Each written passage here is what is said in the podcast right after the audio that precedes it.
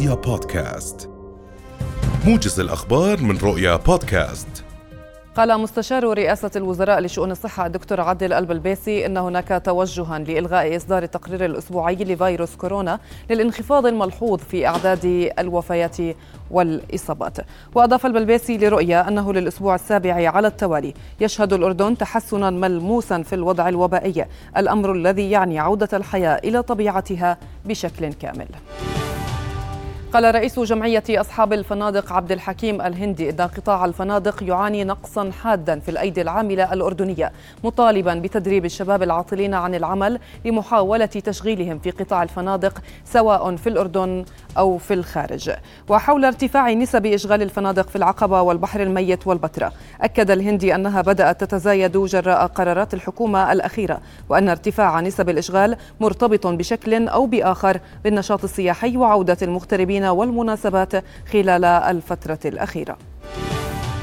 نشرت الهيئة المستقلة للانتخاب على موقعها الإلكتروني الجداول الأولية للمرشحين الذين تم قبول ترشحهم لانتخابات مجالس إدارة غرف الصناعة وممثلي القطاعات الصناعية والمقرر إجراؤها في التاسع والعشرين من الشهر الحالي. وأوضحت الهيئة أن طلب الاعتراض على جداول المرشحين الأولية يقدم لدى لجنة الإشراف على الانتخابات في مقر غرف الصناعة وذلك استنادا للتعليمات التنفيذية الخاصة بإعداد جداول الناخبين وجداول المرشحين. المرشحين. استشهد شابان فلسطينيان وأصيب ثالث فجر اليوم خلال اقتحام قوات الاحتلال الإسرائيلي منطقة ضاحية التربية والتعليم شمال مدينة رام الله. وأفادت مصادر أمنية لوكالة الأنباء الفلسطينية بأن قوات الاحتلال أطلقت النار صوب ثلاثة شبان داخل مركبتهم ما أدى لاستشهاد اثنين منهم وإصابة الثالث. مضيفة أن قوات الاحتلال اختطفت جثماني الشهيدين واعتقلت المصاب. تجاوز عدد قتلى الإعصار إيان 80 شخصا في الولايات المتحدة الأمريكية وسط توقعات أن يستمر عدد القتلى في الارتفاع مع انحسار مياه الفيضانات وتوغل فرق البحث في مناطق كانت معزولة في البداية عن العالم الخارجي.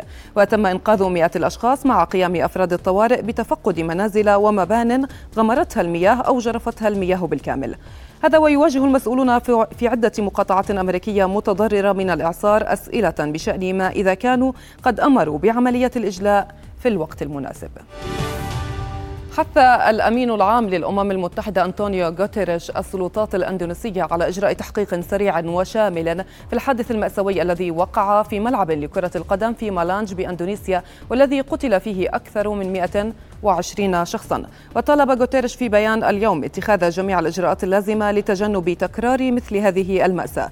وأمر رئيس أندونيسيا رابطة الدوري الممتاز لكرة القدم بإيقاف المباريات لحين اكتمال التحقيق في الحادثة.